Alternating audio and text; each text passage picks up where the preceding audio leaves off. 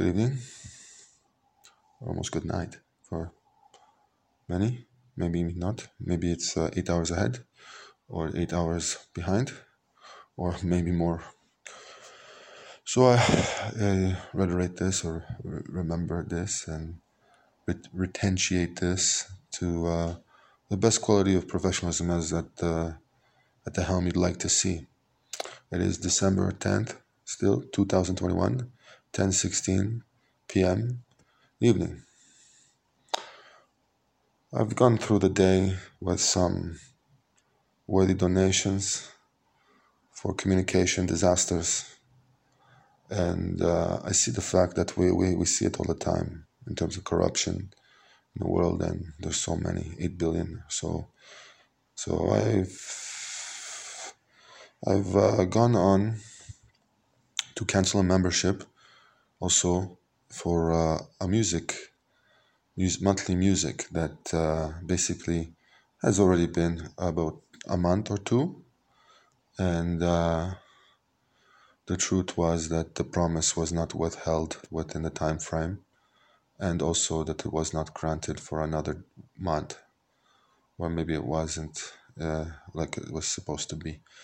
Uh, just to that uh, aspect, you know, in terms of there are so many professions in the world today, so many people work in professions from uh, accounting to to uh, to many departments. You know, in terms of mathematics and, and stuff like that. We do education, do education. We want the kids to actually be smart and to prosper and and to uh, move ahead, and that's for everybody. Um, in terms of uh, contracts or going pro, same thing. Or being a pope and you say buongiorno a day before or a day after, uh, sometimes it's a little bit um, not reliable, like I say, uh, and it's not um, accurate. We'd like to see accurate accuracy in terms of those dates because some days you could say that um, there was a funeral and it didn't happen that day, or or it should have happened, and stuff like that. That's very. That's that's why that it comes down to that importance factor. So uh, it's nothing against the friendship or or or whatever you guys call it. You guys call you guys call yourselves friends, but uh, to tell you the truth, uh, it's more. It's more than than than than that.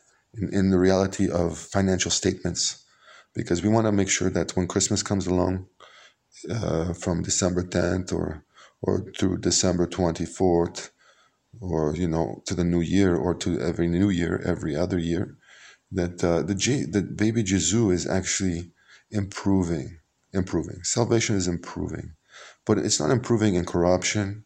It's improving in accuracy. It's improving in, in goals, in greater goals.